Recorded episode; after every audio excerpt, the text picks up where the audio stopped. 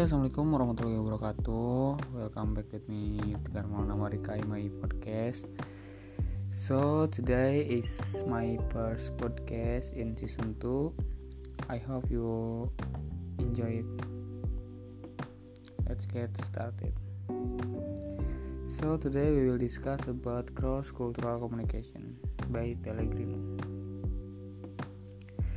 So here I'll try to help people how to communicate better, especially in the global business world. So, uh, in how to communicate better is all about perception and understanding what people see. Uh, in Pellegrino presentation, uh, Pellegrino have ever made an experiment to test people perception about him. So, in airlines he sometimes he talk in english and sometimes he will talk with italian accent. Uh, so uh, he want to see what kind of reaction he get and see reaction he get. So the english is the best one you want a good service, you speak English like I do. It's fantastic. The mission of perspection by Pellegrino a system of behavior that helps us act in an exception or familiar way. The key word there is accepted or familiar. So, uh, code. It's like if you were to use a color to describe this person he had to be green. He lives in isolation in his home a place he best described and his cozy. however he is not the most receptive of people when it comes to visitors. The typical norwegians he is somewhat primitive but he is honest, straightforward. All he really wants in life are simple little pleasure like peace and quiet. There are many words in there which are accepted and familiar. What was amazing with this is we're looking at the same picture and using completely different words to describe it. This is the challenge of walking across border.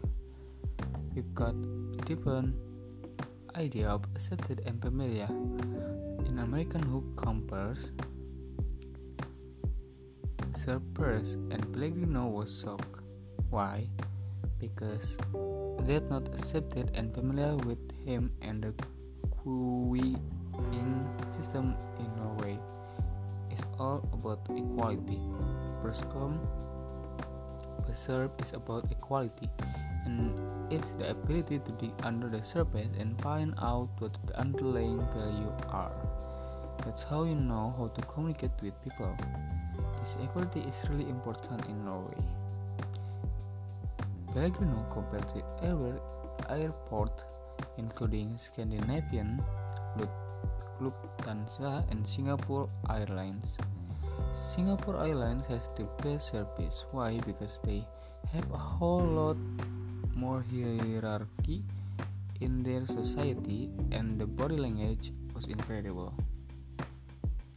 But in Scandinavian Airlines person this when you come on you would get suspicious like what's going on here? Like Pellegrino said because it's it, it is not accepted or familiar. You know we're doing the same thing in slightly different ways Pellegrino is really passionate about curiosity. Curiosity is a great thing and important. He had three kids and they are very very curious. And the fun fact, four-year-olds will ask up to 390 questions per day.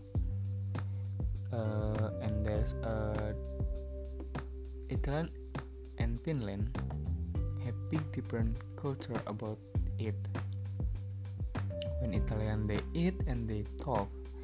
Uh, but that's not only Italian.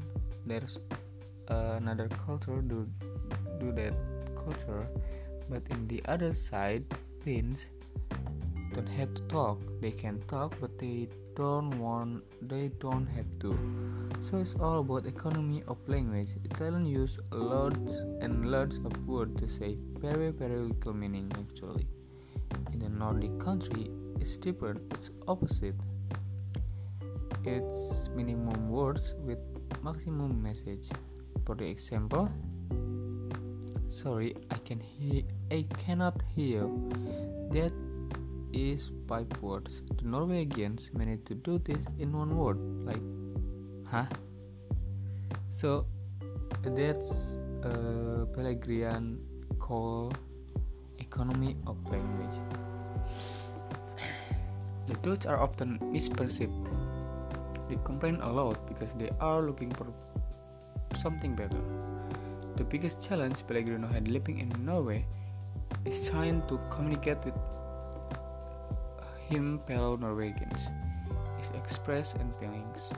In Italians, uh, they express but but different. Sorry, but different in Norway. He is kind of tone himself down actually living in Nordic countries in Norway to turn him to tone himself down keep it low keep it calm because that works better which is often very very difficult. Because that uh, very different with Pellegrino came from. And now we will discuss about rules. No, Norway they are following rules and Norwegians know these rules instinctively. Italians believe that the power of speech, the power of persuasion, is most important tool in life. Okay, uh, here we not discuss whether it's right or wrong, but here I want to tell you is that I get it and I get it because uh, I've got it inside. I've seen this before and I accept it and I can see the positive elements. So the cross border isn't about going to cross border in mind. It's all about extending your borders and creating new ones around us okay, thank you. Maybe that's all from me. Wabillahi topik walidaya. Assalamualaikum warahmatullahi wabarakatuh. See you.